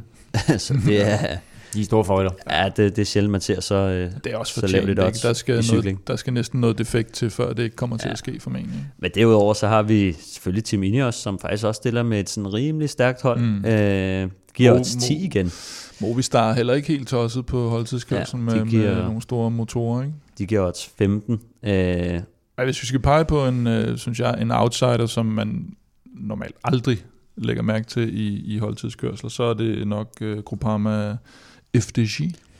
Ja, netop, og de, de giver faktisk øh, odds 50 igen. Ja, på, de på vinder den nok heller ikke, men, men altså, de har, øh, øh, hvad hedder det, Tobias Ludvigsson, svensk øh, mm. tempo-maskine. De har øh, Benjamin Thomas, som vandt det franske mesterskab i øh, enkeltstart. De har øh, Marc Chiro, som er sprinter, men som også kan, kan, kan ligge og køre. Og så har de ham der Kilian Franchini, som en Schweizer, som også er en, ja. en ordentlig maskine. Ikke? Så, øh, og Morbito, altid god. Men kan de overraske? Altså... Nej, men de, kan, de har sådan en outside chance for et podie, men det er så det, tror jeg. Men, men det er mere, at, at man vil nok aldrig nogensinde tale om dem ellers i en, uh, en holdtidskørsel. så jeg, jeg, jeg, jeg tror, de bliver den bedste halvdel i hvert fald. I, I turen, der var øh, det kønne quickstep, var det, var, var det, var det 0,8 sekunder, var det sådan, det var? Fra at, at, at besejre Jumbo Visma. Øh, mm. kan, de, øh, kan de skabe lidt ballade her, altså kan de gøre, at favoritten ikke vinder? Hvem sagde du? Øh, det kønne quickstep. Nej, jeg tror, altså... Ej, med det hold, de stiller til start med, der, øh, der ser det lidt mærkeligt. De har Remy Cavagna, øh, ja. som vel er den eneste, der sådan øh, er en ja, rigtig motor på det hold der. Det er Clark selvfølgelig, men det er ikke, ikke så meget en tempo-rytter, Nej. men mere en, en, en stor maskine. Ja, altså, ikke? Vi, vi har set, at de har ofte overrasket. Øh, mm. Altså rytter som Philip Gilbert, Stibar, de er jo mm. bumstærke, men lige til, til sådan en her øh, kort holdtidskørsel, der, Nej, der mangler de nok øh, nogen til at sætte topfarten. Og så mangler de måske en motivation i form af, at de ikke rigtig har et klassementsnavn med, øh, som de skal køre for, som de absolut skal holde inde.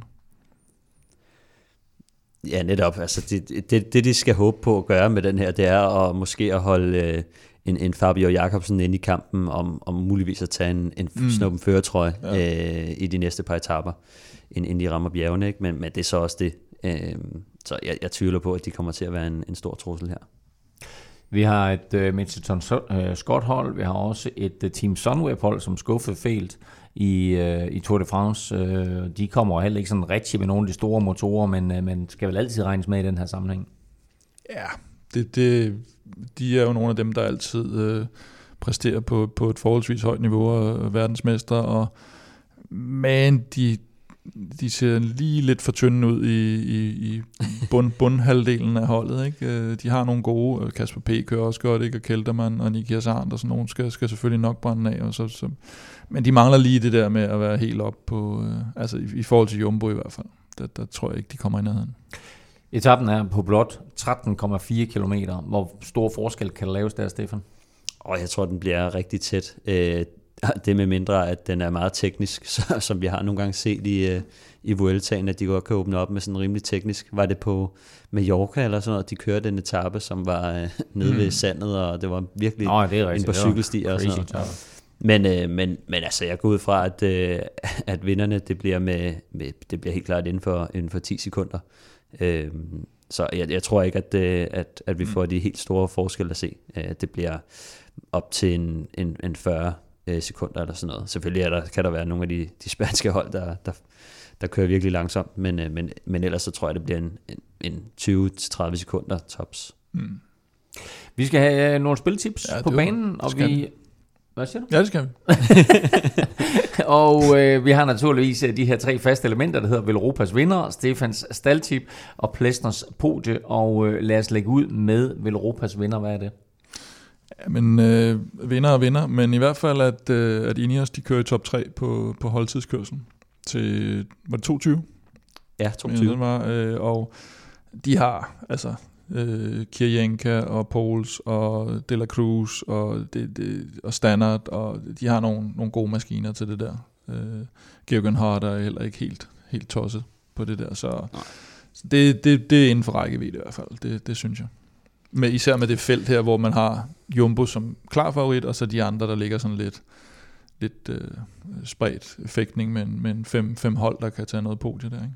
Ja, De La Cruz kommer til at blive en, en rigtig vigtig faktor øh, ja. for dem der. Øh, I Som stedet helt for sikkert, Kenny i øh, hvert fald. som, er, ja, som helt sikkert øh, kender ruten og er motiveret øh, og, og, og en, altså bumstærk på, på enkeltstarter, øh, har han i hvert fald vist før, så, øh, så han bliver rigtig vigtig for dem der.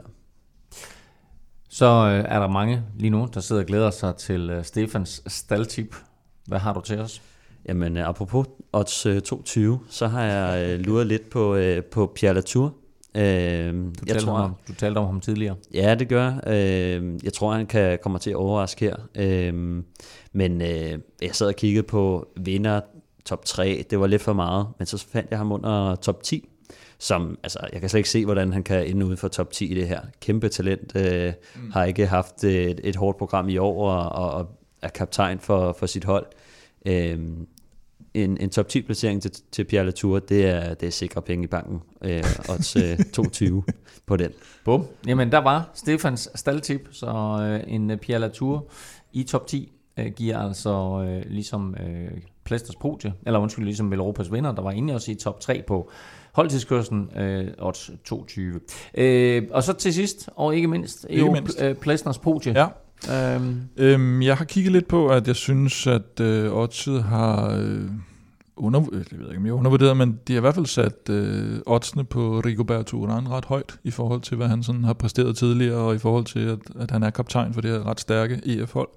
Og ham kan man få odds 6 på til podiet, altså det samlede podie. mm. Det synes jeg er, er, er lækkert faktisk. Og svarer det, sådan, øh, svarer det til øh, odds 18 som vinder, eller hvordan Nej, det, der er han helt oppe i 35 eller sådan noget, tror jeg. Nå, hold da op. Ja. Okay, er det realistisk? Mm, det er ikke helt urealistisk, faktisk. Det synes jeg, altså det, det, Nej, det, det er ikke sådan, jeg hvis Uran vinder, hvis han står som vinder af Vueltaen, og det er jo en sydam, altså det er jo sydamerikanere, der vinder. Øh, ligesom sidste år var det folk fra Storbritannien, og i år er det sydamerikanere. Så vi skal jo kigge til den side, der vinder, øh, der vinder de Grand Tours, der er i år. Altså hvis I, i forhold til Tau Geoghan Hart, han giver odds 30 igen, så undrer det mig meget, at Udan han giver 35. Mm. Ja, Øh, Der er, men altså lige med, altså jeg synes oddsene er, sådan, er ret gode på Vueltaen, fordi altså, det er lidt spredt, øh, der Mm. er mange øh, gode bjergryttere med, men hvis man ser på altså, kaptajnerne, så altså, der er jo ikke så mange øh, kaptajner, der sådan Mm. for alvor. Vi ser jo Jumbo Visma, der har øh, måske kører med en, en dobbeltrolle, men, men Kreuzweig, som nok skal hjælpe, fordi han har, øh, han har kørt turen. mm, Øhm, så, så, så der er mange gode navne med, men øh, er også mange navne, som ikke nok ikke går efter øh, det samlede resultat, som en Fuglsang, Krausweig, øh, de her typer. Mm. Øh, de, de vil måske mere gå, gå ind som hjælperytter, eller gå efter etappesejr. Så, så på den måde synes jeg, at der er flotte odds på, på de kaptajner, der er tilbage, som Pierre Latour eller Udan. Og således fik du altså spiltips øh, til Tour de, Tour de, Tour de France, må jeg kalde det, til uh, Vuelta a España her. Europas vinder, Team i top 3 på uh, holdtidskørslen lørdag til odds 22. Stefans staldtip var Pierre Latour i den samlede top 10 til odds 22, og Plesners podie var altså, at Rigoberto Uran Uran Uran, han uh, kommer på det samlede podie, når uh, feltet rammer Madrid om tre uger, og det er der odds 6 på. Vi skal have afgørelsen på øh, quizzen, og øh, mit spørgsmål til jer var jo, hvilke to danskere har haft førertrøjen i Vuelta a España? Og øh, nu fører Kim 24 og, og, og da du øh, sidste gang var ved at opbygge et stort forspring, der lå vi faktisk øh, serveretten gå over til Stefan. Så øh, det, tænker jeg, det tænker jeg, vi gør igen i dag.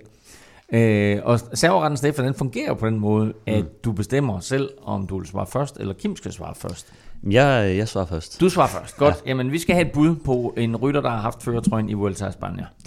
Øhm, Kim Andersen er mit første bud. Jeg ved, han har vundet en etape i hvert fald. Så. Ja. Og øh, Kim Andersen er et fremragende bud. Men, Men desværre ikke korrekt. pis. Kim, en rytter, der har førtrøjen. Jeg tænker Lars Mikkelsen. Du tænker Lars Mikkelsen. Ja, det gør jeg. Det er også et fremragende bud. Mm. Og faktisk så er det så fremragende et bud, at det er korrekt, og det giver et point, og dermed så når du så op på 25, og før os nu 25-20, men der er jo stadigvæk et point at hente her. Satans. Øhm, jamen, øh, så vil jeg gætte på... Ah, Jørgen V. Jørgen V. Jørgen V. Jeg tror også, han har vundet en etape en gang. Ja, jamen det tror jeg også, du har ret i, faktisk. jeg har jo læst op ja. på, de, på de gamle. Ja, ja. Nej, det er desværre ikke rigtigt. Fuck. Kim, Jeg gætter på øh, Claus Michael Møller. øh, nej, han har faktisk også vundet en etape i Vueltaen, men øh, nej, han har aldrig haft føretrøjen. I skal, I, skal, I skal lidt mere moderne. Ja, jeg ved det godt. Mere moderne. Jeg giver jo bare Ja. ja. chefens chancen. Øhm, Kom nu. øh, kyllingen. Nej, heller ikke. Chicken. Hvad? Heller ikke. Så siger jeg Maggi Brachel. Han har kørt lyserødt, men han har ikke kørt i mørkerødt. Er det rigtigt? Det var, Ja. jeg var helt sikker på. Ja. Så bliver det en lang aften. Nå, I får et bud mere hver. Jeg, jeg, jeg gætter på Skiby. Han, jeg tror, han har vundet to etaper, faktisk. Ja, måske. Men det er ikke korrekt. Nej. Kim? Hvad fanden har vi tilbage? Du sagde mere moderne. Ja, jeg sagde mere moderne. Altså, nyere tid. Ja.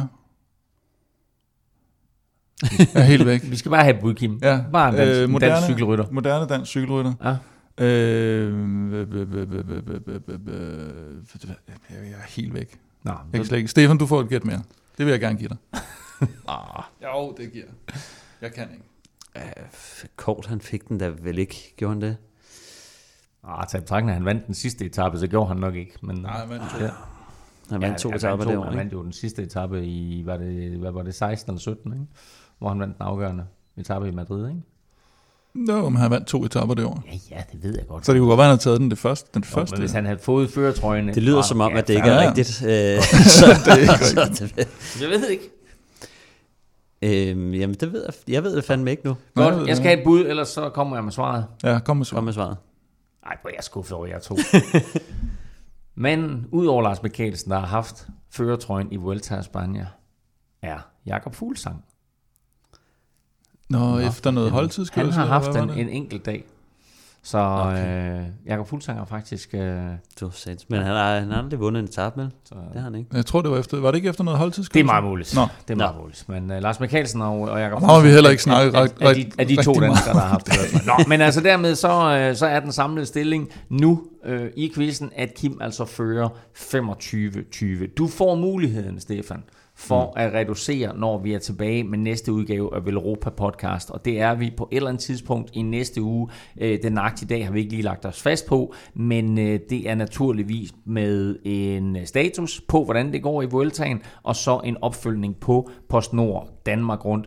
Men øh, Kim, i weekenden her, mm. både lørdag og søndag, der sker der ting og sager på caféen. Ja, øh, lørdag har vi jo øh, vores Sunweb Ride, hvor øh, Pernille Mathisen fra Sunwebs øh, kvindehold faktisk kommer og, og kører med til dem, der vil ud og nyde det gode vejr. Og det er klokken, jeg mener, vi åbner klokken 9, og så er der afgang 9.30, og der er, jeg tror da også, der er gratis kaffe måske jo i virkeligheden, uh. Stefan. Og så slutter vi hos øh, Michaeler, tror jeg, med noget øl. Halløj. Ja.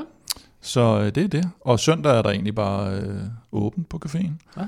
Og øh, søndagstræning ja. for Cycle Club. Ja. Vil Jeg, jeg tror, det er meget sjovt for dem, der har lyst øh, til at komme ud og køre med Pernille, for hun, hun klarer sig jo ret godt under EM. Jeg tror, hun blev bedste dansker både i øh, linjeløbet og i enkeltstarten. Ikke? Tidligere, tidligere hvad har hun, var, det, var hun i virkeligheden verdensmester, eller var, det- var det kun medalje, hun tog tidligere i noget ungdoms-VM?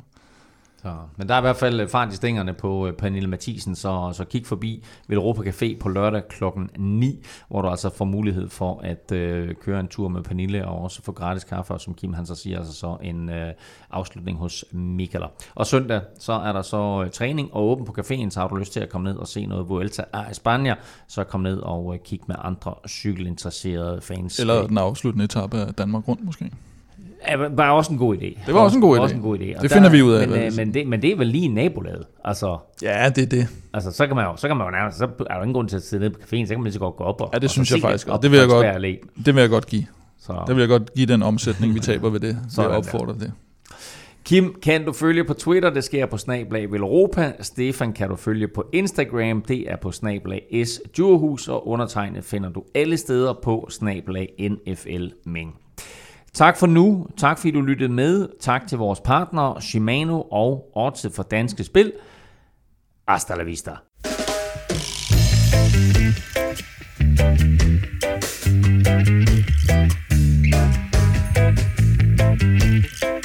thank you